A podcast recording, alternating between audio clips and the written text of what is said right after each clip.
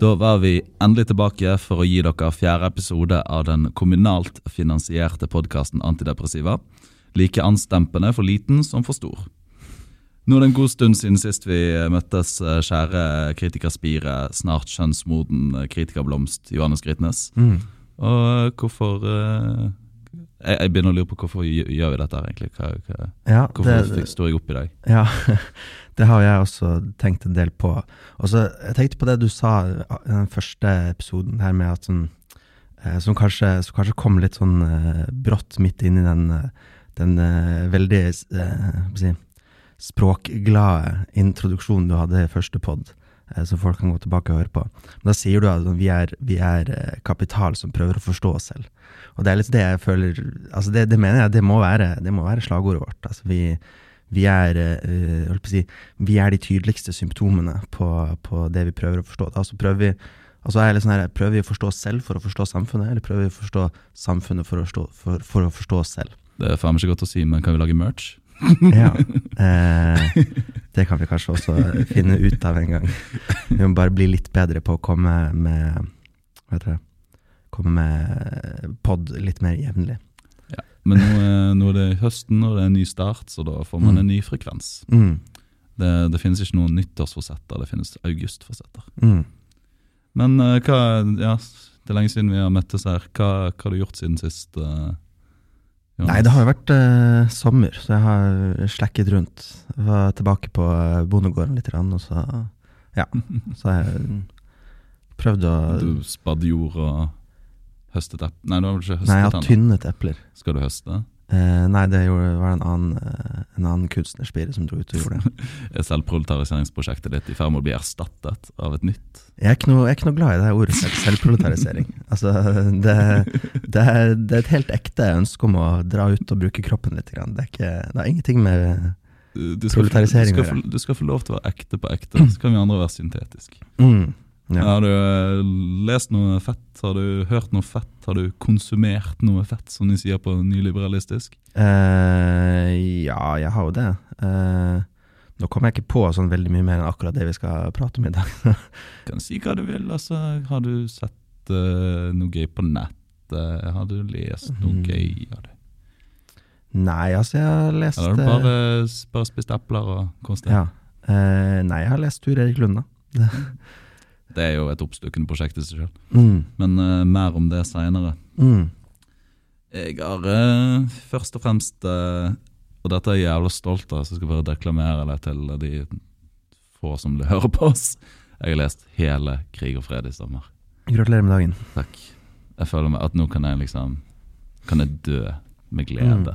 Men det, det er jo sånn klassisk eh, sånn der, eh, du gjør med sånn eh, et års mellomrom. Så bare sånn bestemmer du altså det ikke sist eh, sommer eller sånt, så bestemte du deg for å lese hele Ringenes herre-trilogien og sånt? Eller? Men den leser jeg hver sommer uansett. ja, okay, ja. Det, det er bare sånn det. Hva, hva er dette begjæret etter disse store bøkene? Nei, jeg vet ikke. Jeg blir, jeg blir jævlig deprimert om sommeren. da. Det er Mm. som er greien. Så da, Summertime sadness. ja, rett og slett. Mm. Så da prøver jeg å forsvinne. Ja. Da, Det går ikke an å forsvinne i en liten bok, du må forsvinne i en stor Mm. bok. Ja. Men uh, ja, det er jo sånn at du bare får tid til eh, om sommeren på ørsmå hybelværelser. Mm. Uh, men siste uken av eh, livet mitt så har det egentlig bare handlet om to ting. Først en eh, EP anmeldt av Waikai, skal leses i Bergens Tidende. Og et jazzorkester som prøver å fusjonere den maskinelle klubbmusikken og den organiske, frie jazzen. Ja. Det er et veldig ambisiøst prosjekt. Mm. Mislykkes eh, litt. Mm. Ehm, og så kanskje, Jeg vet ikke om dette var direkte relatert eller motsatt, men jeg logget meg inn på den antikverte eh, saken man kaller Xbox 360. Oh, ja, ja. Koblet den opp til internett. Den hadde jeg masse glede av når vi bodde sammen. Ja. jeg har noen Skyrim-saves fra Johannes der som Ja. skremmende gjennomførte. Mm. Jeg, Men- jeg, jeg, altså, jeg leker ikke spill. Nei, det gjør først begynner spille. du spiller i to døgn, du. Ja, ja. Men jeg lastet i hvert fall ned det nå 15 år gamle sci-fi-rollespillet Mass Effect. Mm.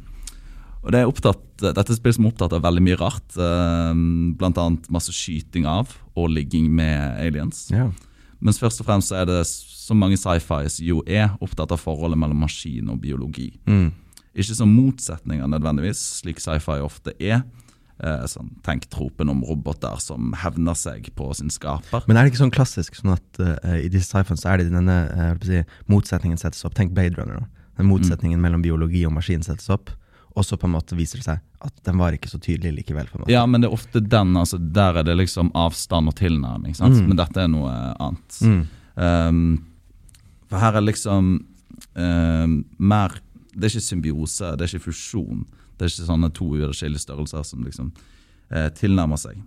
Her er det biologien som maskin, Mm. og maskinen som biologi. Mm. Det er annet en sånn monstrøs, sånn forestilt eh, sånn utslettet alien. En sånn historisk alien eh, i, det, i dette spillet. En rase, da, på en måte. Ja, Ja. Som viser seg å være i live. Mm. Uh, som fester seg til en forskningsstasjon og til forskningsstasjonens teknologi. En sånn blob? Mm, en gigantisk sånn Ja, jeg vet ikke hva den er, egentlig. Nei, det er en blob. En sånn tentakelblob. Ja, ja, ja. Og så um, Der um, Der han sprer seg liksom både fysisk og i en sånn felles, stadig multipliserende vilje. Den kan etterligne andre livsformer gjennom å klone disse livsformene. Mm. Den kan anvende eh, kroppen til disse livsformene og tale til ut, og maskinene for den saks skyld, Mm. til å tale uttrykk, som uttrykk for egen vilje og eget begjær. Dette er en slags organisk biologimaskin, eller biomaskin, som tiltrekker seg hva enn som måtte liksom loffe innom. Eh, forut, og det synes òg forutbestemt hvem som trekkes mot den. Mm. Eh, hvorfor er folk i dette? Jeg føler jeg har sett denne filmen før. Ja, selvfølgelig. Det er mange som har spilt på dette. Men hvorfor er liksom folk så opptatt av dette vesenet i dette spillet? Mm. Eh, jo, altså det, altså Her er liksom nøkkelen til menneskets store fremskritt eh, i år 2150. Sant? Altså Hvis Mm. du får tilgang til denne utdødde alien, så Mm. kan du lage ny bioteknologi, eller Mm. biomaskiner. Mm. Men eh, det å, men, eh, ja. Eller det å skrape syntetisk biologisk liv. Men som mennesker flest kan det sies at man liksom trekkes av denne maskinen et- av, etter begjær, eller etter makt, etter nobelhet eller ære. Mens egentlig er det, synes det meg, maskinen som trekker en umerkelig mot seg. Mm. Det er ikke mennesket som søker maskinen. Nei. Dette er vel tank, dette er dumt som den høres ut, og vasende som den høres ut, er jo tanker vi har hørt før. Mm. I hvert fall jeg og du, eh, Johannes, har sikkert uh, tenkt litt på stråleboksen. Uh, Ja, ja, ja. Nå, nå, ødelegg, nå ødela jo jeg den veldig fine overgangen din litt ved å nevne Tur Erik Lund allerede. Det går helt fint. Ja, ok. Uh, Strålboks er den, Vi snakker selvfølgelig om Strålboks av den eminente, særegne og alltid eklektiske norske forfatteren Ture Erik Lund. Mm. Eh, Manikeren, som jeg kalte han. Manikeren, ja. Det, Men det fikk jeg beskjed av, av redaktøren min at, at har, har du sikker på at du har lyst til å fjerndiagnostisere Ture Erik Lund? Men det er jo mange karakterer hos Ture Erik Lund som er veldig maniske. Ja ja, men bøkene, bare ikke seg selv. Eh, men eh, Johannes, Mm. hva er Stralboks, og hvorfor er Hvorfor er det der vi begynner? Hvorfor er det der vi begynner? Ja. Hvorfor er vi fascinert i det lundske universet i dag? Ja. Nei, altså, eh, når vi bestemte oss for å liksom snakke om Tur Erik Lund, så er på en måte Strålboks et veldig bra sted å begynne. Fordi jeg føler det er på en måte Altså Hvis du skal beskrive forfatterskapet til Erik Lund, du skal beskrive liksom, måten han skriver på, eller hva han prøver å si, eller et eller annet sånt, så er det denne strålboksen, da, som, som er vel en Altså, det er vel en bok hvor han, hvor han på en måte bare drar ut og vekk. ikke sant? Han skal, som veldig mange av, av Tur Erik, Lund bøk, Tur Erik Lunds bøker, så er det en sånn lundsk skikkelse som på en måte bestemmer seg for å droppe alt han har i hendene, og drar, eh, drar ut i verden. Og jeg tror akkurat i Strålbok så begynner det vel med at han, han går over et jorde, men, så, men når han på en måte går framover, så innser han at han, han, han vet alltid hva som ligger foran han. Og det er på en måte et poeng at da blir liksom framtiden eh, pre, predestinert, på en måte. Altså han, han vet hvor han skal, så han bestemmer seg for å gå baklengs. da. Mm. Så han går litt baklengs, og så ender han opp i eh, Og litt sånn så klassisk sånn Lund, så på en måte sier han at han går baklengs, og så på en måte glemmer han litt det. Og så, og så bare så fortsetter han å gå, på en måte. Eh, men men uh, gjør masse sånne eksperimenter med liksom kroppen som liksom skal, skal på en måte eh, forandre den filosofiske på en måte, eller metafysiske tilstanden til universet, på et vis. Eh, men, men jo, så ender han opp i en slags sånn Berlin-lignende er, er det Berlin, eller er det Ikke litt utenfor Amsterdam, da? Jo, det er noe sånt. Det er noe Et lagerbygg, i hvert fall. Mm. eh, der det stadig, du, desto lengre du trenger inn, så det, sitter det hjemme folk sånn sadomasochistisk kverulerer. Ja, ja, ja. ja for det, han møter vel noen sånne her, eh, eh, kappekledde, grå skikkelser som er på en måte strålboksrekruttering. Altså de driver og rekrutterer til Ja, den her, er eh, kultaktige eh, lagerhallen, hvor på en måte hvor man går inn der, og så på en måte er det bare masse sånn her Først må du Altså, det, det villeste er jo at når du går inn der, så blir du først satt i en sånn her eh, Tenk disse her eh, flytetankene. Bare at du er koblet til sånn eh, Det eneste du kjenner, er sånn intens smerte, fordi de driver og måte, kutter deg åpen eh, mens du er i en sånn tank som på en måte fratar deg alle mulige sanser, bortsett fra smerten. Da. Så du ligger der, og så ligger du der sånn månedsvis i den smerten, og så, eh, og så er du på en måte innlemmet i strålboks, da, og så blir du kledd opp i noen sånne filler, og så går du liksom, så er det ingen som forteller deg hva du skal gjøre, men du på en måte går rundt i den her eh, organisk, maskinell Det, det er litt sånn som det er gamle, sånn jeg forestiller meg liksom, de gamle filosofiskolene i eh, Grekenland. Ja. eh, Går rundt i toga, liksom. Ja, ja, ja. ja nei, det, er, det er sikkert, Han spiller sikkert på det. Men, men også, og så er det liksom, og så er det noen rom innenfor noen rom, og så, kom, og så er det liksom en forestilling om at du skal liksom inn i det innerste i denne ja, Altså, altså jo rett ut begjæret inn, inn i strålboks. Ja, var, han skal helt inn, inn i strålboks, og selv om han er inne i strålboks, så en skal han videre inn, og så kommer han videre inn, og så er det på en måte ingenting der. Men så er det sånn forestilling om at når du først har vært der inne, så legger du merke til noen små sånne fakter og gester som folk har. At de sånn eh, eh, snakker på et litt annet vis. Og så på en måte er det noe med at, at det skal også ekspandere.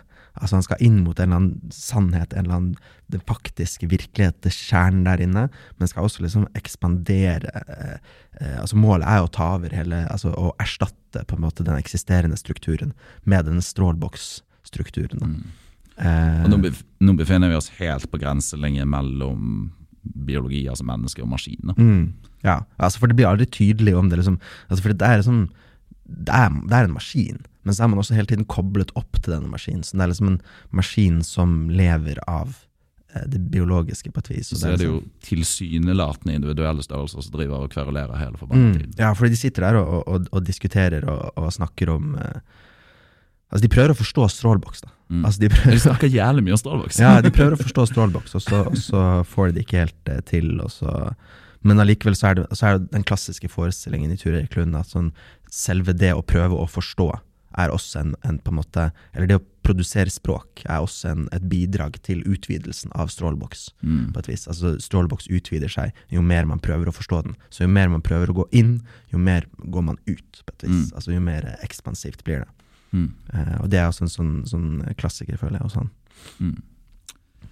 Ja, eh, altså det er jo Man ser jo veldig mye i både språken og teknologien hos Lund hvordan livet reproduserer seg sjøl, si. Mm. Som du sier nå. altså Den ekspansjonen. Det er jo, man ser jo en tydelig parallell til menneskehetens historie, egentlig. Dette søken etter selvforståelse gjør Mm. at ja, man oppdager Amerika, f.eks. Mm. Ja, og det, er hva man sier at hva er det man Underlegger seg Amerika. Ja, hva er man, hva er man, eh, hva er det man leter etter når man liksom drar ut i universet, og, og hva er det man leter etter når man drar over havet, osv. Og, og det er selvfølgelig seg selv. Mm.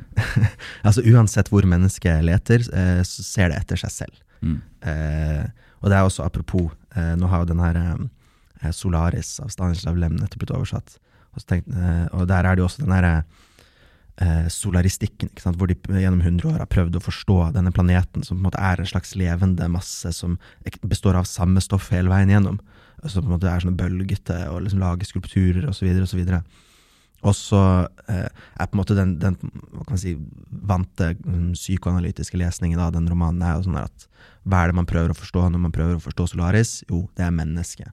Og det er liksom, du, du prøver å forstå dette, dette liksom eh, uforklarlige, organiske Det er en vilje her, men, men, men du kan liksom ikke forstå den viljen gjennom vitenskapen. Altså, Mm. Uansett hvor mye du, du eh, prøver å gå ned i nerver, og, og, så kan du ikke Hvor ligger den frie viljen? Hvor ligger dette, dette måte, Hvor sitter suveren? hvor er kongen, på en måte? Ja, det er jo en sånn eh, eh, husker jeg, leste nettopp eh, noen essays av Knausgård. Mm. Da snakket han om, eller han skrev om eh, eh, hvordan eh, man eh, prøvde å lete etter sjel i Mm. materien. Mm. Descartes var visstnok helt fullstendig overbevist om at eh, gjennom eh, obduksjon av et Mm. menneske så skulle du finne sjelen. Hva het den derre hypo... Uh, Jeg tror ikke det var den han lette etter, men uh, Jo, men han, han sier jo det et eller annet sted, at det er en sånn eh, liten eh, Det som man nå tror jeg kaller lillehjernen. Li, li, mm, Hypotenusen. Hypotenusen eller et eller annet sånt. Ja, nå er ikke jeg noe ekspert på latinske betegnelser på kroppen, men jeg tror det er der, der mener han at sjelen ligger. da. Ja. Uh, og det er jo sånn den der om at altså, det må være en eller annen form for forbindelse mellom, det, mellom det, sjelen og, og, og kroppen. Og det er, sånn der, det er veldig lett å si at sånn, ja, jeg tror ikke på en sjel. Men så er det sånn at hvis du gjør noen sånne tankeeksperimenter med folk, altså hva er dette jeget som opplever ting? Altså hvis man har erstattet Nå er vi litt på sidespor. Men, men hvis man hadde erstattet liksom uh, ditt eh, eh, Altså jeg, da, med, med en kopi. Helt lik, akkurat samme minner, oppfører seg på akkurat samme vis. Opplever selv at jeg har opplevd alle de tingene du har opplevd. Uh, eh, er det da altså, Og så tar de livet av deg. Er det da deg som er der? Og det er på en måte, og det er på en måte den forskjellen som oppstår der mellom den, deg og denne kopien. Det er da jeg vil kalle det liksom sjel. Altså den Om, no, om noe må det være det. Men jeg, mitt eh, syn på saken er Har du sett eh, det Rembrandt-maleriet? Mm. Der de har eh, liksom obdusert hjernen, Ja, ja, og de viser fram åpningen i hjernen. Mm. Det er jo Altså Hele greien der er jo at de viser fram hjernen. og s- Eller tenker sånn- du, tenker du på det her med hånden, eller egentlig? Nei, det er en, det er en hjerneobduksjon. så Ja, okay, nei, jeg, jeg vet Men, eh, men i hvert fall. eh, så er det, det er jo nesten som det sier se. Det er ingen sjel. Mm. Det er ingenting guddommelig her. Det Mm. er bare en hjernemasse. Mm. Ja. Men allikevel så Altså, jeg tror på en måte intellektuelt så kan man, så kan man liksom ha det for seg at det finnes ingenting som, som utgjør dette liksom åndelige stedet. Mm. Men eh, jeg har vanskelig for å tro at folk egentlig tror på det. altså, altså at, at, eh, at folk egentlig tror at sånn Ja, nei, jeg er bare en samling med elektriske eh, impulser. Um, Men, da, da kan, det er jo det at du kan reprodusere disse elektriske impulsene, og det vil være deg. ja, Men hvis du da tar livet av deg og reproduserer disse elektriske impulsene, så er det jo noe annet, er det ikke det? ja, teknisk sett er det det. Ja, og hva er dette? Hvor, hva er den forskjellen? Hva består den forskjellen i? ikke sant? Eh, det er faen meg ikke godt å si. Nei, det Men, men, men eh, Men uansett kan vi si at eh, bare ut av den problemstillingen, så kan vi si at teknologien er en slags organisk greie. Og mm, det organiske har noe, noe veldig besnærende teknologisk. Det består av komponenter som kan settes Ja. sammen til en større helhet. på en måte. Ja, ja, og det er, det er den her eh, panpsykisme, ikke sant? At, Mm. at, at alt har en viss form for bevissthet i seg, og det vi kaller bevissthet, er bare en, en viss grensverdi for hvor mye bevissthet det er. Mm. Altså, eh, det, er sånn at, det er ikke noe kvalitativ forskjell på en stein og et menneske. Forskjellen er at de på en måte eh, impulsene og, og nervesignalene som er i en menneskehjerne, er mye mer avanserte enn den som er i steinen, som stort sett er ingen eller litt. At, men at det er til en viss grad en altså, eh, At bevissthet er bare en samling impulser. på en måte. Og det forutsetter jo at, en, at alt har bevissthet, på et vis. Alt som det går strøm gjennom, har Ja, det er var ikke så jævla mye strøm gjennom en stein men Nei, det, det er kanskje et dårlig eksempel. jeg tror det var et dårlig eksempel. Men, eh, men det jeg tenker på med det her organisk eh, eh, maskinelle eh, um, og, og uh, i forbindelse med den uh, det å prøve å forstå seg, uh, seg selv, da. Ja, og så var det Solaris. Ja, man, hva, hva, med, hva med Solaris, tenker du nå? Nei, at, at, at ehm, Solaris er liksom Altså, dette eh, Dette eh, Jo, altså Hva er det jeg prøver å si her nå? Eh, altså, i Ture Erik Lund, hos Ture Erik Lund, så er på en måte livet eh, Livet er på en måte det han prøver å beskrive. Altså livet som sådan. Veldig ofte virker det som. Eh, og det levende, og hva er det som gjør noe levende, og hva er det som gjør noe dødt, på et vis. Og det er jo den herre jeg syns jo denne her eh, eh, grøftetildragelsesmysteriet er ganske god der. For der eh, møter vi liksom han Myhrbråten for første gang. uh, som som, eh, som sitter og er et såkalt åndsmenneske. Da, han gjentar dette hele tiden, at han er et åndsmenneske. Eh, eh, men måten at han vet at det er et, han er et åndsmenneske på, er fordi at han, han sitter ved bordet sitt hver dag og, og gråter. og han gråter Som man gjør. ja, ja, ja. Eh, som, man, eh, eh, som man sier. Eh, så er det, liksom, det er det som gjør han til et åndsmenneske. Det er det at han gråter over verdens ondskap. Eh, det er åpenbart eh, en slags, et slags stikk til åndsmenneskeforestillingen. Nå finner du fram boken. Har du lyst til å sitere noe? Eh, ja, altså litt fordi det er måte det er en viss humor her også, da. Men han har i hvert fall eh, eh, Han har i hvert fall eh, liksom skrevet en sånn betenkning, da, som det heter, eh, til Kulturministeriet. Eh, og så har han, eh, etter å ha levert denne betenkningen, så havner han i klinsj med liksom, kulturministeren. Eh, og så ender det på en måte opp med at han blir internert. da. Eh, og så er han åpenbart liksom paranoid og gæren og, og alt mulig sånt, men han er et åndsmenneske. Eh, En veldig lundsk skikkelse, med andre ord. Få Ja, høre, få høre så- dette ja. sitatet. Eh, og så her beskriver han liksom den, eh, det å sitte på dette her, eh, denne interneringsleiren da, som han forestiller seg at han sitter i. Å stå rett opp og ned på samme flekken inne på et kjøkken og se ut av vinduet hele dagen er naturligvis uhyre fysisk krevende. Jeg er derfor i meget god fysisk form. Det behøves, for noen ganger er møblene i ferd med å flytte på seg. Særlig bordet er urolig, og da går jeg bort til det og sitter der og holder det fast, og presser bordet ned mot gulvet, og noen ganger presser jeg så hardt at tårene begynner å renne nedover kinnene. Da, plutselig, vender jeg tilbake til meg selv og begynner helt på nytt, og så fortsetter jeg med det, å være meg selv, i lange tider, og som åndsmenneske gråte over verdens ondskap, før jeg må ty til det nye vettet mitt og gå ut på gulvet igjen. Bravo, bravo. Men, men det er liksom um, Han sitter liksom der og, og, og, um, og jeg, Vi kan komme tilbake til det her med tingene og, og sånne ting, men, men jeg, eh, For det, det han skriver i denne betenkningen til kul- Kulturministeriet, er på en måte betenkning over det norske, og, den får, eh, og hvordan man kan bevare, eh, bevare norsk kulturarv. Eh, og, og det han skriver der, er at, er at når man eh, Altså, Norge har ikke lenger noen kultur, er på en måte hans poeng.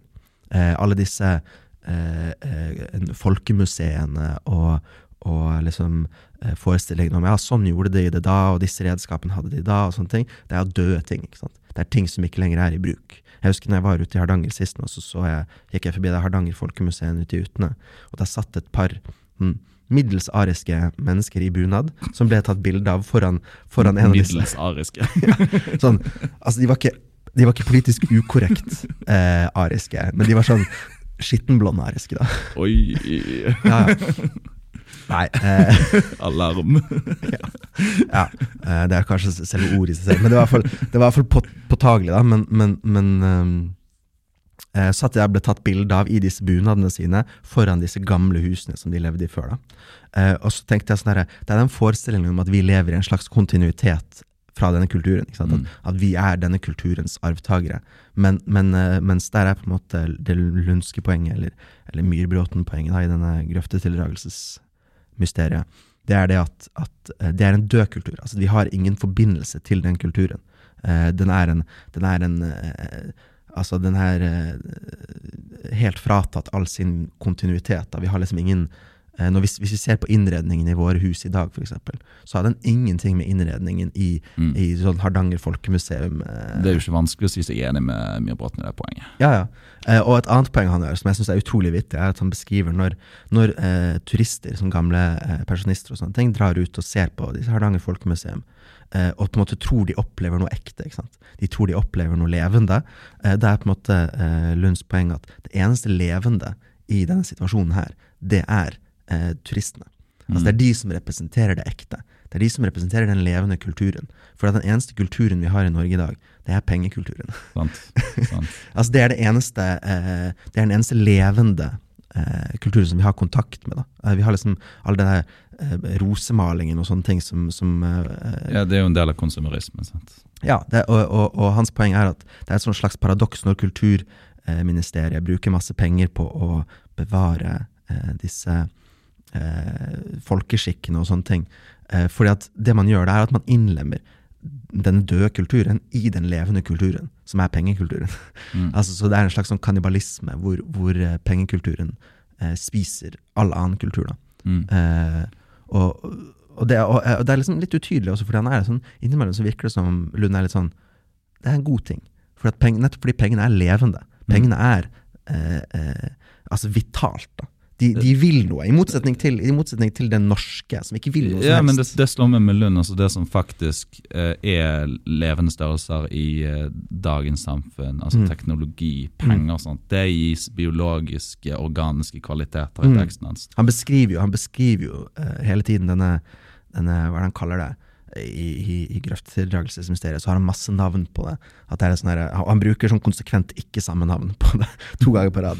Eh, Nei, men det, altså, det, selvfølgelig ikke. Altså, det er en del av Mm. språket, til og med. Mm. Det er jo ja. det, Og han, han kaller det for sånn derre eh, ungdomsmediale, narkomane, eh, pengekulturen, et eller annet sånt. da.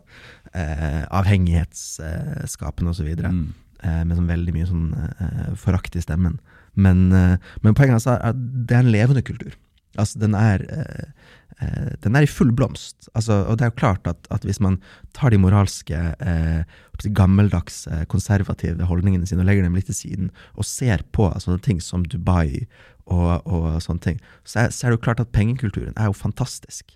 Altså, den, den produserer jo helt voldsomme ting. Ja, ja. Eh, som, som ingen altså det er Når vi ser på, på egypterne, gamle egypterne, og sånne ting, det er jo ingenting mot det vi, vi lager i dag. Ja, Altså. Den, den, eh, den egyptiske sivilisasjonen er ingenting mot den amerikanske pengesivilisasjonen. altså, altså, hvem får ikke en wow-følelse hver gang de ser Manhattan på TV? liksom? Ja, Det det er, det er faktisk ganske imponerende hva de får til. Altså, og også, nå, nå er jo stort sett alle de her Avengers-filmene er liksom dårlige og sånt, men, men eh, Det er, det er jævlig god fyllesyk Men hvis du, hvis, du ser, hvis du ser det på et stort lerret, nå har jeg aldri gjort det, men jeg ser for meg at hvis du ser det på et stort lerret, så er det jo sånn her Dette her har vår kultur fått til. Altså, men med alle sånne filmer, sånn, du, må, du må knekke koden. Du må akkurat så må de komme under huden på deg. Sant? Du lar deg rive med. Mm. Og da kan du være sånn wow. ja, ja. Altså, jeg, jeg, får, jeg får den veldig sjelden. Jeg vet ikke om Men jeg husker jeg så, eh, apropos Ringenes herre, som vi nevnte i sted, eh, når jeg så uh, treeren av Ringenes herre, og det på en måte når de her hesteridderne kommer eh, Ja, ja, ja. Det er jo sånn, det er jo på en måte Da får man den. Nei, jeg, eh, jeg får frysninger hver gang. Ja, ja, ja. Det, det, de kan det, disse, disse newzealenderne. og hobbitene. Tror du alle i New Zealand er hobbiter? Eh, nei, jeg vet f.eks. at en av verdens rikeste menn, Peter Thiel, har kjøpt opp en gigantisk landområde der. Stemmer det? Ja. Det Så han er ikke hobbit. Har ikke, har ikke han sånn eh, ekstremt eh, fancy sånn dommedagsbunker? Så? Jo, det er også en sånn greie han har laget. Ja, for det var masse rike folk som liksom kjøpte opp land i samme område i New Mm. Zealand. Mm. Med og alle, fordi der skal du liksom være trygg når Ja, ja. dommedag kommer. ja, ja. Det, Fascinerende. mens, mens andre rikinger skal til verdensrommet. Det er jo en liten uh, Turid Klund-roman her en sted, ikke det? Jo, men jeg føler han har skrevet den. Altså, det er den romanen han har skrevet. Ja, det kan godt hende. Men, men jeg føler det, det, det er på en måte et viktig poeng der med at at, uh, eh, at eh, Altså, du kan ikke, du kan ikke altså det, Og det, det tror jeg på en måte ligger litt i kjernen av det, av det lundske liksom, synet på, på liv. da. At det levende er det som klarer å opprettholde seg selv. Mm. Mens det døde er det som trenger på en måte eh, tilskudd utenfra. da. Og han er jo sånn, litt sånn klassisk norsk anti eh, tilskuddsordninger, antistatlig. Tenk Sløseriombudsmannen. Eh, nå vet jeg ikke om, om Lund egentlig er det, men i hvert fall i alle romanene hans er karakteren hans alltid liksom De skal klare seg sjæl. Ja, Man, skal, man skal lage sine egne greier. ja, men òg sånn ikke, ikke kast bort gjødsel på døde blomster, liksom. Mm. Ja, ja og, det, og det er på en måte eh, hans poeng, kanskje med hans innskudd til den sløseriombudsmann-debatten, vil jo være det at sånn, hvis, hvis ting ikke klarer å leve på egen hånd, så er det vel dødt, da, på en måte. Altså, da, da vi, for eksempel, vi klarer ikke å leve på egen hånd. så vi er jo veldig døde. Mm. Men um, uh, ja. Eh, og så og så beskriver han i alle romanene, eller i alle, i de fleste romanene, så er det alltid dette utenfor fellesskapet. ikke sant? I Stålboks er det jo Strålboksen, Mm. og, i, eh, og så er det Elvestengfolket, og så er det der i uh, Grøftetildragelsesmysteriet, så er det Gråsprengbråtan-folket. eh, som en, og, det, og, de, og disse utenfor fellesskapene er alltid litt sånn innavlaktige, eh, gjerne uberkonservative, de vil ikke ha inn nye folk. Ja, eh, de slår meg som eh, altså, Når jeg eh, i notatene mine har kalt grenseløst avgrenset, at det er en tydelig avgrensning, men innenfor avgrensningen så er det noe grenseløst over det. mm, Eh, hvis det gir mening. ja, kanskje. Strålboks er i hvert fall det. Ja, ja, ja, den er jo Men, men nå tenker jeg på hvis jeg tenker på grå sprengbåter. Altså, men altså, det, det grenseløse kan òg finne sted i språket. Altså Språket hans blir Mm. grenseløst. Ja, ja, det er helt klart. Avgrensningene. Mm. Og når jeg eh, skrev om identitet i blad, så, så kalte jeg jo teksten 'Kunsten å sette grenser'. Mm. Eh, nettopp fordi at det er liksom eh, Altså, han beskriver denne grenseløse verden, på en måte. Eh, og det har jo Altså, si, Marx beskriver jo også den grenseløse. Han skriver jo at, at eh, altså det er, har vært borgerskapets prosjekt hele veien. ikke sant? Å lage en verden uten grenser.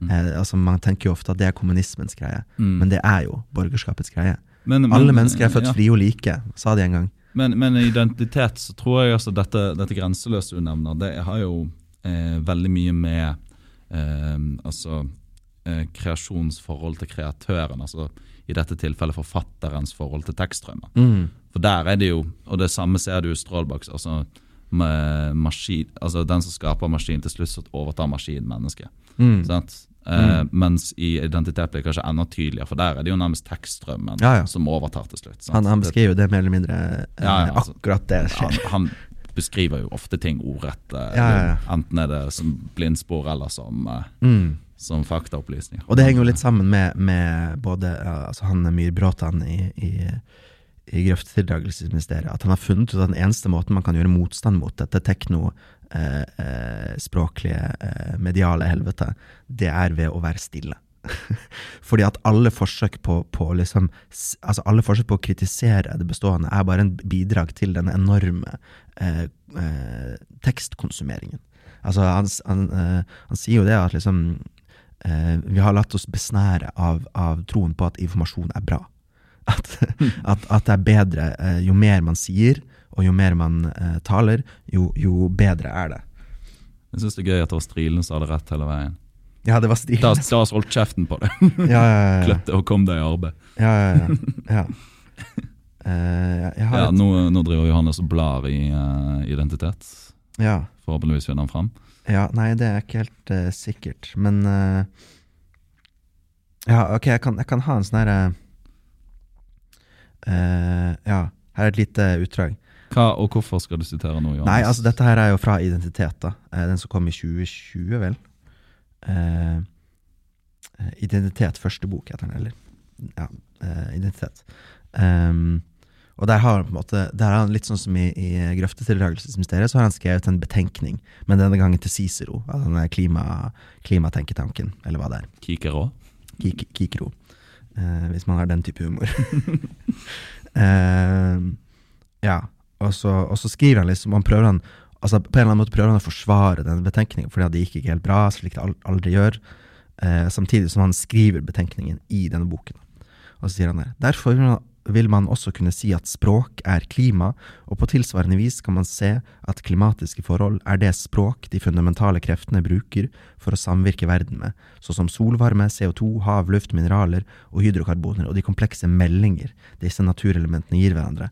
Og hvis man forutsetter at disse elementene kan sies å være levende i alt sitt samverke, så vil det bety at dette språket har samme levendighet som kulturens og teknologiens mange språkformer.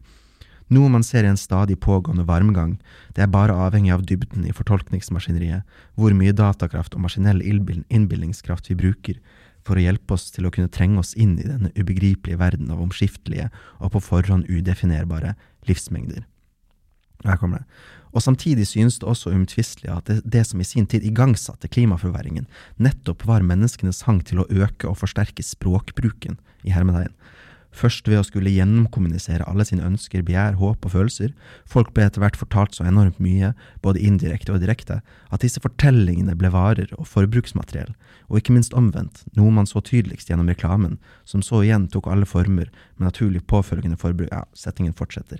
Lenge. Ja, altså Det er vanskelig å sitere Ture egentlig. Ja, man vet ikke hvor man skal stoppe. Det kan potensielt være tre sider.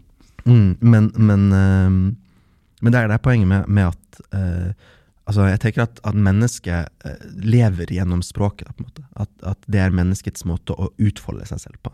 Hvis holdt på å si, blomsten eh, altså for å være litt, altså, Den Aristoteles tankegangen om at, eh, om at alle ting har et formål, så er på en måte menneskets formål til en viss grad å, å kommunisere slik blomstens formål er å, er å blomstre. altså det er, det er å reprodusere seg. Mennesker reproduserer seg gjennom språkbruk. Da. Og språkbruk som etter hvert er blitt uh, tingliggjort gjennom reklame og varer og forbruksmateriell, som vi så igjen er blitt teknologifisert og blitt, og blitt da til uh, CO2-utledninger, på en måte. Mm. Så det er liksom det er menneskets livskraft som fører til, til, uh, til klimakrisen, på et vis. da. Det gir mening, spesielt med tanke på de um, tankene vi snakket om tidligere. Mm. Uh, hvordan uh, ja, Strålboys eksempel er alltid ekspanderende. Mm. Så, sånn er det med mennesker òg. Mm. Det er vår uh, Ja, for det er det alltid ekspansive. ikke sant? Altså det er det, og det er det som på en måte framstår litt sånn som det gode hos Sture Erik Lund. Men samtidig så har han klar over at, at altså, Og det tror jeg også er et poeng, og det skriver han sider senere. Det, det skal jeg eh, det kan, skal jeg slippe å få sitert. Men, men han skriver jo det at, at all, all mulig form for eh, livsutfoldelse, ekspansjon, reproduksjon, er også en ruinproduksjon. Mm. Altså slik blomsten alltid på en måte Det er jo det klassiske romantiske bildet. ikke sant? At blomstens blomstring er et løfte om død. Altså Den er et løfte om, om, om to ukers tid, så er den borte. Eh, Det alltid en Som alt liv er. ja. Uh, mens, mens den vestlige sivilisasjonen har på en måte fått det for seg at man kan drive og bevare ting. At man kan bevare ting slik det er. Mm. Og, og det er ingenting som skal kunne stoppe det. Verken klimakrisen eller, eller pandemier. Eller, alt skal bare kunne bevares. La de da, la de dø. Ja, det, er, det er litt uh, Og, og det er, man ser jo det hos de, de eh, rike, holdt jeg på å si. Det er jo den her som jeg føler forvalter på en eller annen måte vår uh, Hva kan man si? alt døds- rike mennesker gjør, er å forvalte ting. Det gjør det. Ja, jo, men de for- forvalter på en eller annen måte den ekstreme versjonen av den rådende ideologi, da, tenker jeg. Det var uh, godt tenkt, Johannes. Takk. Eh, Vel, men altså, bare for å ta litt uh, over, kanskje mer uh, nei, men jeg, jeg vil fullføre. Jeg vil fullføre for at, Kjør. eh, for at eh, jeg leste nettopp den eh, eh, Ekko, den kan vi kanskje komme tilbake til. Men, men der har han Pet, Peter Thiel som sier at liksom, eh, han ble spurt om døden, eh, og så sier han 'jeg er motstander av den'.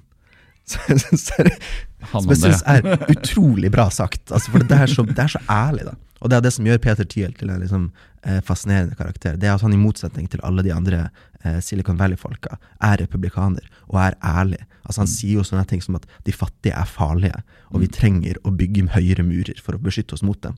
Ja, det er ærlig, det. Ja, men men så, kan, så vil jeg tenke at den, eh, hvis man tar utgangspunkt i at all, all livsutfoldelse også er ruinutfoldelse, på et vis, så, så vil jo poenget med konger og rike folk er jo nettopp at de skal vippes ned.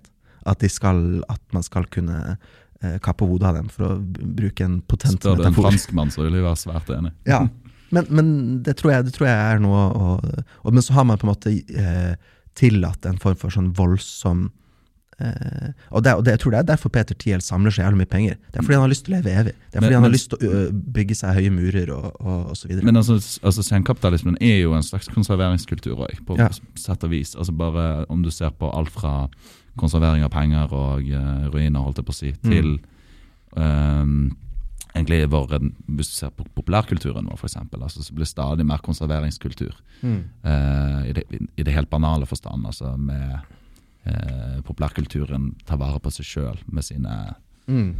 ja, vi, vi prøver å gjenskape og gjenskape og gjenskape desto mer og mer liksom senkapitalismen knapper en grepet Mm. sitt. Og det eh, vi har jo nettopp vært gjennom fadderuken nå. Og det, det, jeg syns det er så fascinerende at de spiller akkurat den samme musikken Ja, det gjør du faen meg. som, som man spilte på tidlig 2000-tall. Jeg, Det har- jeg det er Every Day I'm Shuffling.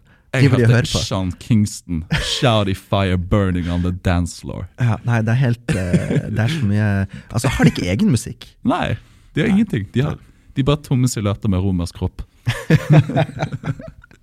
Ja. Men- For, for referansen, gå tilbake til tidligere. Vel, for å, for å komme litt tilbake til dette med språk og form i Tor Erik Lund. Da. Eh, Når vi snakker om dette her med det stadig ekspansive, som er veldig, som en ting Tor Erik Lund i sitt forfatterskap er svært klar over, Mm. så er jo det kanskje derfor at det ofte synes at romanformatet nærmest blir klaustrofobisk for han. Mm. Det, det er nærmest godt gjort at han i hele tatt klarer å sette et stoppunkt på tekstene sine. Ofte, I identitet så klarer han jo ikke det. Nei, da slutter er det jo på litt sånn som Slottet med Kafka. Jeg fikk en forlager som bare sagt nei, nå holder det. Ja, mm.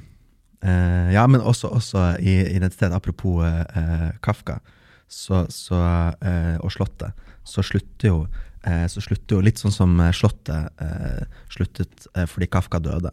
Mm. Så, så, eller fordi han ikke klarte å skrive ferdig. Så slutter jo også identitet med at uh, Ture Klund skriver 'jeg er død'.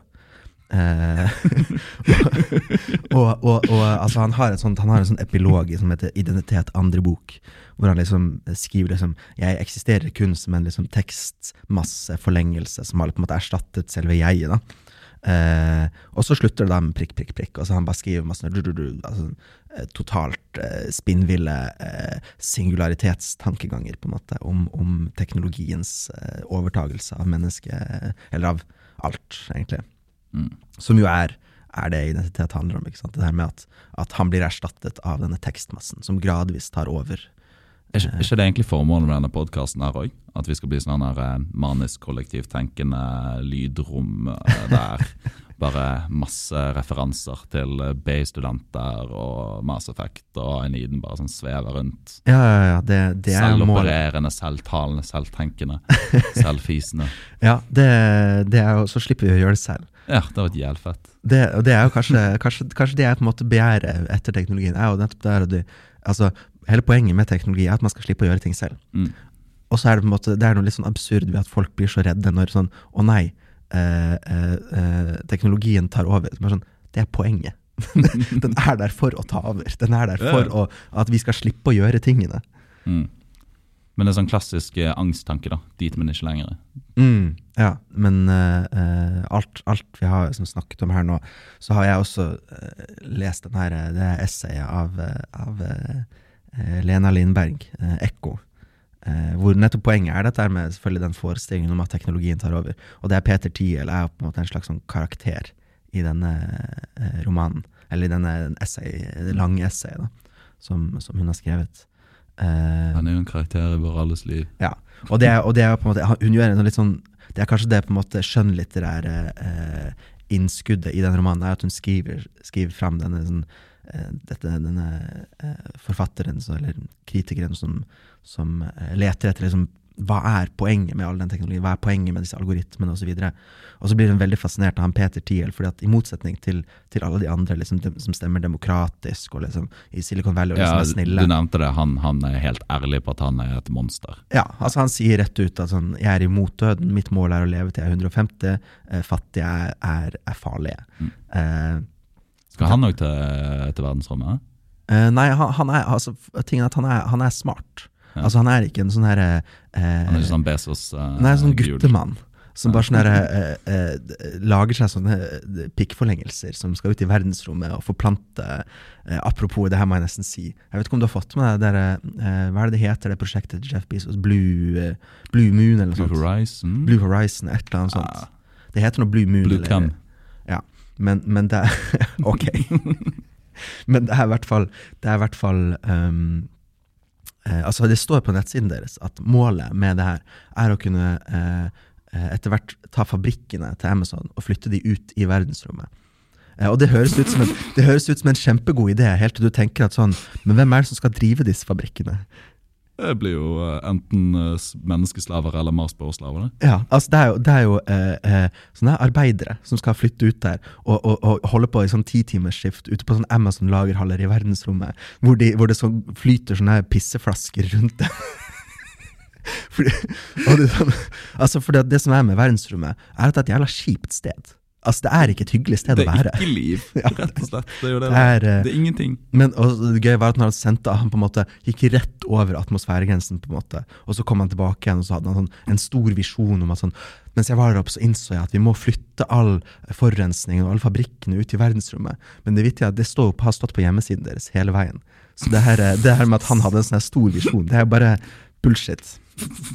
Så var ikke sånn uh, profet i ørkenen, liksom. Nei, nei, altså, han, det var jo bare en PR-jippo. Litt sånn som alltid her folka her gjør, bare er Mm. PR-jippoer. Mm. Uh, uh, så for eksempel den forestillingen om liksom maskinlæring og sånne ting, det at, og singulariteten. Jeg tror det på en måte er, er disse eh, Silicon Valley-folka som prøver å overbevise oss om at, at, eh, at teknologien deres er kraftigere enn det den egentlig er. Altså, for Å, det, er ja, bare, ja, ja. det er bare statistikk som er satt i system. men det er jo mer sånn markedsføringsjippo da. Når Elon Musk sier at han kunne redde de der i hulen med den der boremaskinen Ja, ja, ja. som bare var helt Men. Elon Musk har omfavnet PR-greiene, Ja. eh, mens Zuckerberg-gjengen er litt mer sånn litt roligere. Zuckerberg er mer sånn der eh, dukkemester. Ja. ja nei, eller, eller dukke. Eller dukke. Det er Peter Thiel som er dukkemesteren. Ah. Men apropos paranoia, så, så, så er jo det det som er poenget med, med han Peter Thiel-skikkelsen i Ekko, er jo det at hun, hun tror at han har en plan.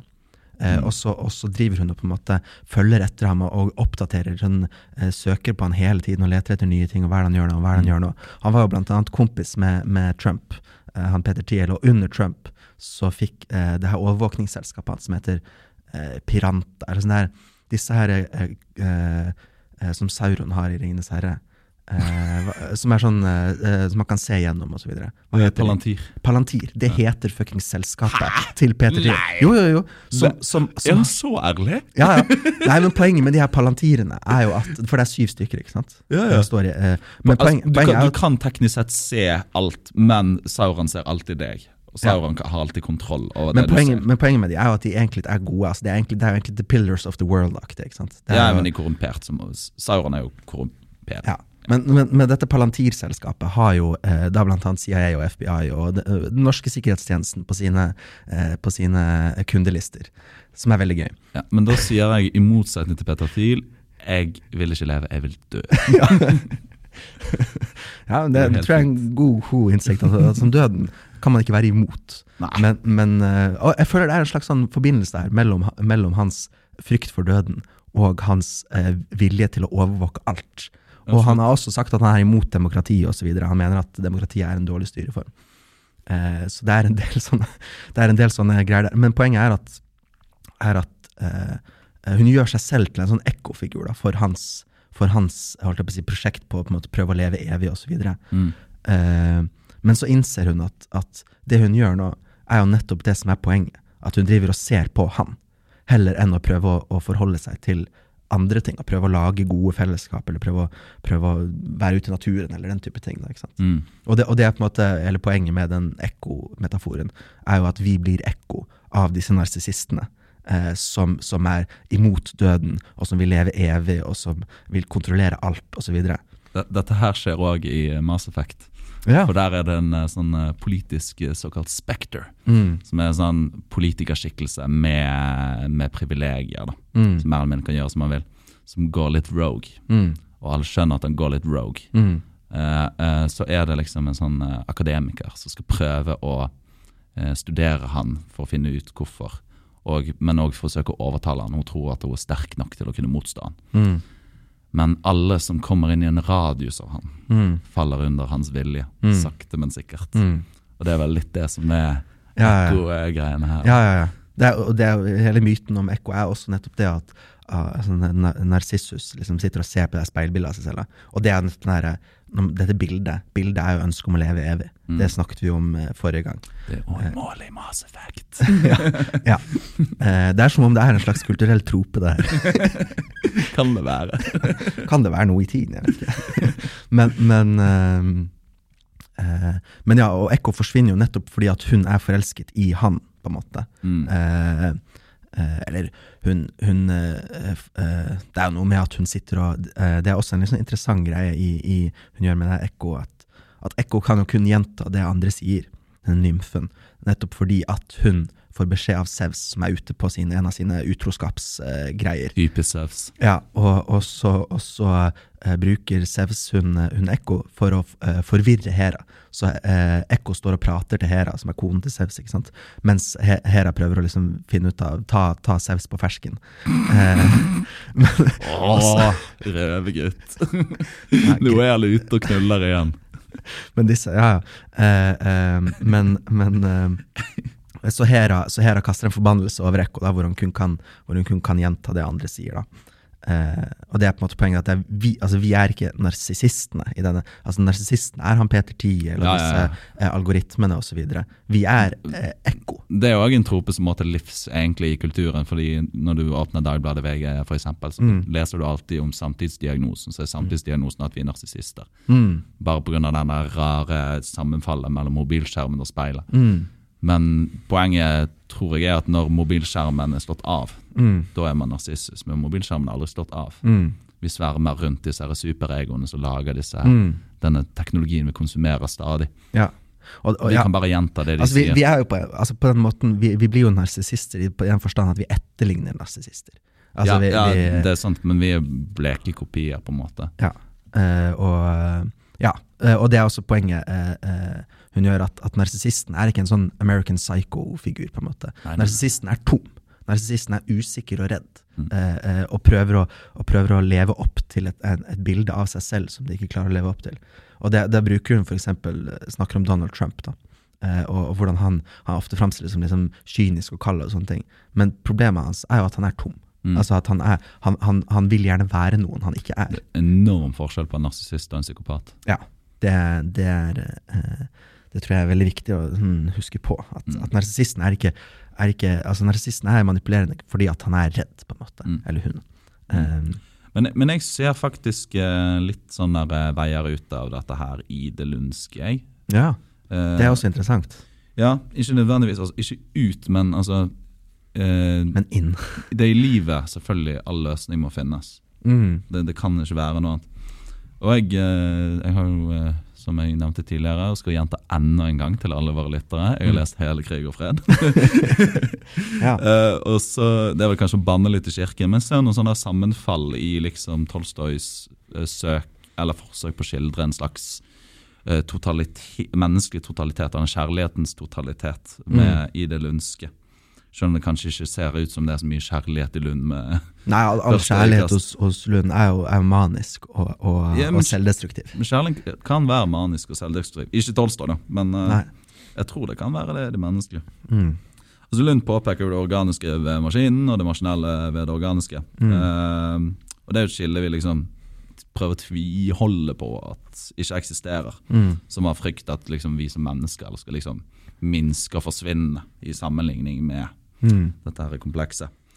Uh, Tolstoy er jo som Lund en som gjennomskuer det, uh, og tviholder på at det komplekse maskinelle i historiens gang, i menneskets gang, hvor uh, resultatet maskinen ender opp med å kalkulere, er bestemt av liksom hva verdi det enkelte tall har i skjeden det lander på. liksom. Mm. Altså i menneskelig forstand tilfeldigheter, handling og millioner komplekse enkeltviljer. Det er det som utgjør det vi kaller Totaliteten. ja, totaliteten, men historien òg mye. Mm. Uh, sånn den altså Tolstoy pier mye på det misforståtte og intenst menneskelige synet at liksom, historien og menneskets eh, ekspansjon, da, om du Mm. vil, er drevet fram av store menn, store viljer, konkrete hendelser og slag. Mm. Eh, at det er liksom det som styrer vår stadige ekspansjon av menneskehetens betingelser. Mm. Eh, jeg har ikke utømt denne tanken, da, men eh, det slo meg som verdt å nevne. Eh, det, i, I krig og fred så er det liksom tre sånne hovedpersoner, Mm. kan man si. Det er flere, men det er Pierre, en litt sånn stuttjukk uh, borgerlig fyr som arver jævlig mye penger, Mm. og er litt sånn sannhetssøkende kis. da Han er blant annet inne med Frimurerlosjen. Mm. men han får en åpenbaring gjennom en livsendrende hendelse. Sammen med Natasha, som er litt sånn uskyldig og kokett, men Mm. Opplever en stor sorg og sånn sett endrer syn på ting. Og så er en som heter Som, den gode russiske kvinnen skal hun være sørgmodig og uskyldig. Selvfølgelig. Det er mye av de greiene der. Mm. En slags Maria-skikkelse. Så er det også andre som rett og slett får en kanonkule i hodet, Mm. rett og slett. Um, men poenget er at disse blir først en fungerende del av dette menneskelige maskineriet. Mm. Ikke i konflikt med seg sjøl, ikke i konflikt med maskinen, idet de aksepterer livet som forgjengelig. Mm. At de gjennom sin kjærlighet og næring av sine omgivelser Mm. eh, inngår som liksom sømløse deler i denne ekspansjonen. Mm. Altså rett og slett kjærlighet er liv. Ja. Og Lund ville aldri sagt at kjærlighet er liv, Nei. men det ligger mye av den samme dynamikken i bunnen, syns jeg. Ja. Litt av den samme innsikten i bunnen. Mm. Ja, på en eller annen måte. Men for jeg tenker jo at altså, det er jo en sånn konflikt hos Lund hele tiden mellom det her med å underlegge seg kontra det å gjøre motstand. Mm. Eh, og Det, er, jo- det er jo en konflikt. Altså, det er den selve konflikten. ja, og, som jeg tenker på litt sånn eh, i mitt eget liv også. Altså, I hvilken grad skal man gå rundt og, og, og altså Spesielt når man, når man eh, eh, hva kan man si, tilhører eh, 1 i verden, sånn som man gjør når man bor i Norge, eh, i større eller mindre grad. Så på en måte, i hvilken grad skal man bare sånn ja, jeg, jeg kan få meg et greit liv hvis jeg bare finner meg plassen innenfor, innenfor det bestående. Eh, eller så skal man gå rundt og nær, bære på disse eh, konfliktene og motsetningene og osv. osv. For at enhver konflikt med fellesskapet, altså enhver konflikt med, med den eh, hva kan man si, maskinen, den menneskemaskinen som, som produserer mening og fellesskap for deg, Mm. er jo også en konflikt med deg selv. Eh, Jeg, der, altså, der syns jeg Tolstoy uh, har en klok tanke, for han, han ser ikke noen motsetning mellom konflikt og å være del. Han ser på konflikten som en nødvendig forutsetning for å kunne erkjenne mm, uh, helheten. ja, Og for å kunne ta del i helheten. ja. Um, altså, hvis det, det er ingen som fødes organisk inn i helheten lenger, altså rett og slett pga. arvesyden. Mm. sant? Mennesket er født i konflikt. Mennesket er Mm. født som konflikt. Mm, Og, men den eneste måten å liksom kunne eh, ta del organisk i denne helheten på, er å overkomme konflikten og Mm. søke ja, finne frelsen, rett og slett. ja. Frelsen kan være så mangt. Ja, ja, ja. Men apropos det med, med frelsen, så tenkte jeg jeg hadde jo litt lyst til å, å um, Nå tenkte jeg egentlig masse, men, jeg, men før jeg glemmer det, så har jeg lyst til å ta den her eh, Det er flere ting jeg har glemt nå, men, men eh, jeg har lyst til å ta den her eh, fordi eh, Lena Leinberg baserer seg veldig på det her Girard, og Girard er jo blitt veldig populær. eh, med Hei, den, eh, hei Girard. ja. Eh, og visstnok også fordi at Peter Thiel eh, studerte under, under, eh, under eh, Girard, og det var, derfor han, eh, det var derfor han investerte i Facebook, fordi han så at, at Facebook var rett og slett eh, konkretiseringen av Girards filosofi. Dette er veldig interessant. Men, men det er jo hele poenget, ikke sant? At, uh, uh, fordi at Girards, liksom, for å ta det veldig banalt, da, uh, basert på det Lena Lindberg har skrevet om det, så er på en måte, det er fire liksom, stolper i den Girard-filosofien. Det er at det er mimetisk begjær først, og så er det mimetisk rivalisering, så er det mimetisk krise, og så er det syndebukkmekanismen. Mm. Og det mimetiske begjæret er jo sånn mennesker lærer å begjære. Det er sånn mennesker lærer å forholde seg til verden. Altså Bare tenk på, du kan fortelle ungen din at TV er ikke bra, Mm. men, men fordi at ungen din ser at du ser på TV, at du begjærer TV-en, så vil ungen din lære at TV er bra. eh, Du, du kan eh, bli fortalt av dine foreldre at uh, sex før ekteskap er synd, men Mm. fordi du hører lydene fra loftet, så uh, vet Ja. du at sex er godt. ja. Eh, du, rett og slett, du lærer å begjære gjennom, gjennom eh, eh, å etterligne de rundt deg. Eh, eh, som er liksom kanskje eh, også en innsikt om at praksis kommer før teori. på en måte, at, at eh, ja. Mm. Den, den, så, og så kommer på en måte den mimetiske rivaliseringen. Da. Og det er poenget at enhver, en eh, altså, mim- Mimesis betyr da etterligning. Eh, Det tror jeg våre lyttere vet. ja, det spørs. Men, men ehm, ehm, eh, Men den rivaliseringen, altså alle, alle forbilder, alle du etterligner, eh, begjærer jo nettopp da fordi du etterligner dem, det samme som deg. Og på et eller annet tidspunkt så blir deres begjær eh, et hinder for deg òg, for å oppnå det du begjærer. Mm. Altså hvis, hvis, hvis, I hvert fall hvis du begjærer eh, en, en, en hva heter det, scarce resource, altså en, en, noe det er en endelig mengde av, da, på en måte. Dette burde jo vi som nordmenn vite. Ja. Vi lever jo av en scarce resource. Ja, olje. ja, men, men eh, Ikke bærekraftig. ja, ja, ja, nettopp. Men, men det er men, uh, hva kan jeg si, penger, da, som er en klassiker. Altså, den der, hvis alle begjærer penger, så vil på en måte andres begjær etter penger og til slutt bli et problem for deg. Ikke sant? Du må, du må, du Det er jo dagens samfunn. ja, du må rivalisere med de, med de uh, du etterligner. Eh, og den rivaliseringen vil på en måte øke på helt til du kommer til en mimetisk krise. Hvor du kommer i en sånn eh, hvor, slett, hvor konflikten blir for stor, og man kan få borgerlig krig, eller man kan få eh, ulike former for eh, direkte konflikter. Men for å unngå dette her, så har liksom alle samfunn, eller for å bøte på dette her, så har alle samfunn en syndebukkmekanisme, ifølge Girard.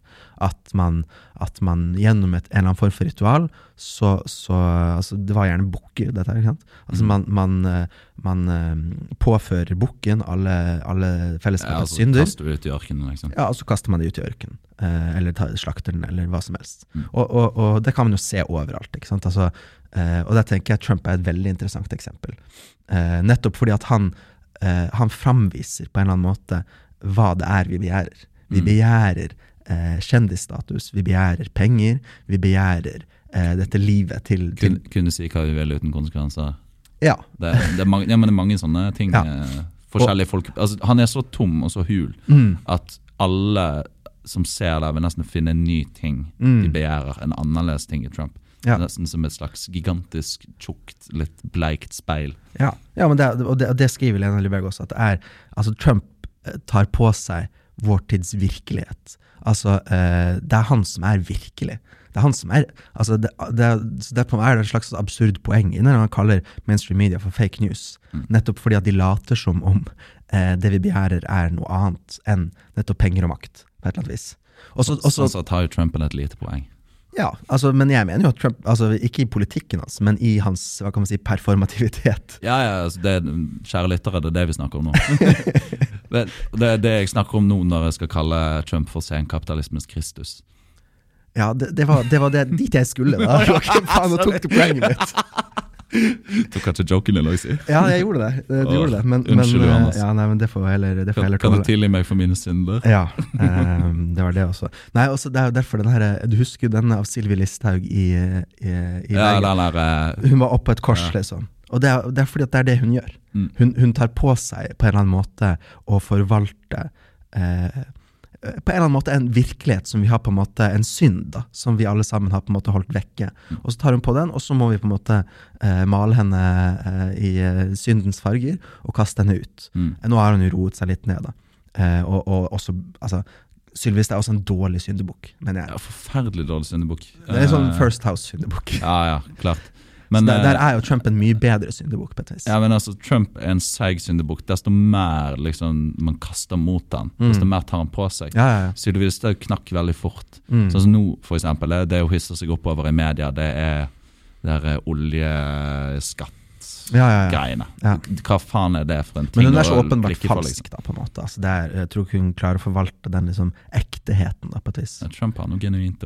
Ja, ja. Altså, Genuint tom. ja, det er fordi at han er Altså, han er Han, han forvalter den tomheten, Mm. og dermed den virkeligheten som vi kanskje alle kjenner litt på. Så, Så har han noe, altså, ufa, uh, grunnen til at han òg er genuint tom, at han er genuint impotent. Det, det er ikke noe sex, det er noe sexløst over han på en ja, måte. ja, det er kanskje det. Ja, ja. ja som, det som at du, altså, du kunne, Hadde han vært ekstremt potent Mm. og veldig seksuell, Mm. så kunne ingen prosjisert sine egne seksuelle eh, begjær og synder Ja, over på han. Men fordi han er så tom, Mm. han er jo en bleikfeit hyse, liksom, Mm. så kan liksom eh, man, når han snakker om sine seksuelle overskridelser, sine seksuelle overgrep, Mm. så kan man prosjisere sine egne mørke Ja. Ja. på han. da, på en måte. Det er, det er kanskje det som er hans, eh, hans funksjon, til en viss grad. Mm. Å være denne eh, Jesus-skikkelsen. som har tatt på seg våre synder, rett og slett. Bleikfeit Jesus. Ja, men, eh, men eh, jeg syns det er en ganske sånn god eh, godt poeng at, eh, at man, man kanskje trenger disse Men så er poenget at altså, man har denne ekstremt konserverende liberale kulturen ikke sant, som er så ekstremt opptatt av å beholde på status, holde på status quo. Og da får man ikke gjennomført denne syndebukkutgivelsen, på et vis. Så det er som det, Når Biden kommer inn igjen, som jo åpenbart eh, Altså Biden er litt sånn unnselig skikkelse, men det er liksom han, han på en måte gjenoppretter en slags normalitet. da. Men jeg tror på, poenget er at det er jo ing, Det er normaliteten. Ja, det er for Vi, sent. vi har allerede begynt å renskes for våre synder. Vi kan ikke snu nå. Rom er i ferd med å falle. håper vi. Dette er den, dette er den siste keiser, og han er selvfølgelig senil og dement. som Ja, det men det er, det er også kanskje et sånt historisk poeng at, at uh, fra et, et uh, imperium på en måte har falt, Mm. så går det gjerne et par hundre år før det faktisk faller. Ja, ja, klart. Eh, Det tar tid. og dessuten så er det jo ikke noe å, å, det er ikke noe å rope hurra for hva som kommer etter heller. Nei, det kommer Taliban og Kina, liksom. Det blir sikkert jævlig fett om tusen år, og så faller det. Ja, ja. ja, ja. Nei, altså, men, men det, er, det er fordelen med å være dekadente og leve i eh, en forfallstid. Det er jo da, altså, da, det, da blir festene noe litt mer sånn Det blir noe litt mer panisk over det. Det blir, noe, det blir gøyere fester av det. Ja, Tror jeg, da. Det er lov å håpe. Ja, ja. Ja, altså nå, nå Men altså hvis du ser på, hvis du ser på, på liksom hvordan, hvordan eh, fadder, fadderuken har utviklet seg de siste liksom, 20 årene Altså Det blir jo bare gærnere og gærnere. ikke for å være to liksom, Jeg- gamle Jeg, gubber men jeg, jeg, blir ikke, jeg blir ikke sur når jeg ser det. Jeg blir ikke sur når de holder meg oppe om natten. Nei. Jeg unner de å kose seg. Det hører ren glede i gatene er fint. Og da, Med ren glede så mener jeg ikke at de går rundt og smiler og hygger seg. Nei, nei, det er, det er noe manisk og det- panisk Ja, for, det, for sånn, Å hygge seg, det er konserveringsglede. Det er en Mm. borgerlig glede. De går rundt og skriker. Det er dyrisk. Det, høres, det er ikke umiddelbart gjenkjennbart som Nei. glede. Det er glede. Det er fritt, begjær i fritt spill. Ja, ja, ja. det unner jeg de. Ja, men jeg syns jo også det virker noe litt sånn Det er jo sånn derre uh, man man må få seg en venn så fort som mulig, hvis ikke så blir man ensom. Ja, men det er jo bare unnskyldningen. Det er jo unnskyldningen over til eh, myndighetene. altså Vitsen med fadderuken, grunnen til at vi har dette innvielsesritualet, Mm. er for, for få venner. Mm. Men det er jo ikke derfor. Det er for å ta bodyshots. Det det er for å drikke seg fullstendig kanøkas, Ja, skrike og knulle og spy. ja, ja, ja. Det er bare derfor. Det er jo derfor, det er jo derfor vi skulle hatt Altså, man kan si mye om Taliban, men det hadde i hvert fall ikke blitt fadderuke under Taliban. hadde ikke vært fadder... Eller fadderuken hadde sett veldig annerledes ut under. Taliban. Ja. Nå har de jævlig masse våpen også, så eh, Ja, de fikk noen helikoptre nå. Så. mm, Gode greier. Nå er ikke dette en uh, Taliban-podkast helt ennå, uh, men eh, Er det, er det dit vi er på vei, Joakim? Skal vi bli sånn mer og mer eh, sånn gradvis skli inn i sånn eh, eh, Taliban did nothing wrong. snikislamifisere podkasten? ja. Men ja, nei, det Nei, Da tror ikke vi får lov til å være her lenger. Nei, det er noe med det også. Men um, Men uh, hva var det jeg tenkte? Uh, jo, vi må, vi må på en måte runde det her opp på et eller annet vis. Skal vi, skal vi plukke opp våre løse tråder? Ja, vi har masse løse tråder. Mm. Jeg vil, blant annet én ting som jeg, som jeg eh, lurer på eh, kan være eh, For jeg sa det sitatet her i sted eh, fra Myhr- Myrbråten sitter her på den institusjonen sin og holder fast i bordet. Mm. Eh, og, og det gjør også Hanna Arendt et poeng ut av, eh, som, som Lena Lindberg siterer. Som jeg kan eh, Ja, Johannes Grytnes finner frem sin bok. Ja, eh, og siterer. Fra Hanna Arendt fra The Human Condition. Eh, Det er varigheten som gir verdens ting deres relative uavhengighet fra menneskene som produserte dem. Deres objektivitet som gjør at de står imot og utholder, i det minste for en tid, sine levende skaperes og brukeres glupende behov og ønsker. Fra dette synspunktet har tingene i verden som funksjon å stabilisere menneskelivet, og deres objektivitet ligger i det faktum at mennesker, til tross for sin evig foranderlige natur, igjen kan bli de samme, det vil si gjenfinne sin identitet med den samme stolen og det samme bordet. Og det er jo det her med, med at eh, altså, eh, Narsissisten mangler en identitet. Det er jo det som gjør at han er så opptatt av å finne seg en. Eh, og, og så sitter liksom den Myrbråten der og prøver å holde fast bordet. Og det som er spennende i den scenen, er at det er nettopp bordet som driver og beveger seg. Eh, og, og, og, den, og Lennart beskriver også det at det er noe liksom nostalgisk over den setningen. For at tingene er jo nettopp ikke objektive lenger. Altså Vi har disse skjermalgoritmiske skjerm, eh, eh, Mm. Og nå begynner man også å snakke om sånne smartbyer, ikke sant? hvor det skal komme pop-up-kafeer. Og, og det har vi allerede begynt å få. Pop-up-kafeer og pop-up-bokhandler og pop-up-butikker osv. Så videre. altså, tingene har ikke lenger den objektiviteten ved seg. Mm. Og, og det er nettopp sånn eh, For et menneske er jo flyktig. Det har det jo alltid vært. Men, men, eh, men så klarer de ikke finne liksom, den stabiliteten og objektiviteten i tingene lenger. Da. Mm. Så det er på en måte eh, og, og det skriver jo også Girard, at, at, at eh, den mimesisen, den speilingen i, i Som vi gjør i ting også. Mm. eh, eh, den, er, den er også en måte for mennesket både å finne en stabilitet på, men også å kunne forandre seg. Hvis, hvis du bare sitter og, og si, eh, Hvis du ikke har noe å speile deg i, hvis du ikke har noe å etterligne, så kan du jo ikke bli noen andre. Mm. Eh, det er kun gjennom speiling at, at mennesket kan forandre seg. Og som du sikkert kan gjette deg til ganske greit, så er dette et veldig sentralt poeng i Tolstoy. Mm. Det, det er gjennom eh, det faste gårdsbruket, den møysommelige driften med jorden. Det er gjennom å forholde deg til din familie, Mm. eh, gjennom gjensidig kjærlighet, Mm. at man kan skape et individ, man kan skape et selv, Mm. og man kan forandre seg. Mm. Og det er litt sånn, som paradoksalt når man sitter og sveiper, eh, enten det er til høyre og venstre eller, til, eller opp og ned, så er, det, eh, så er det det man leter etter, er jo på en måte denne identiteten. Man leter etter seg selv.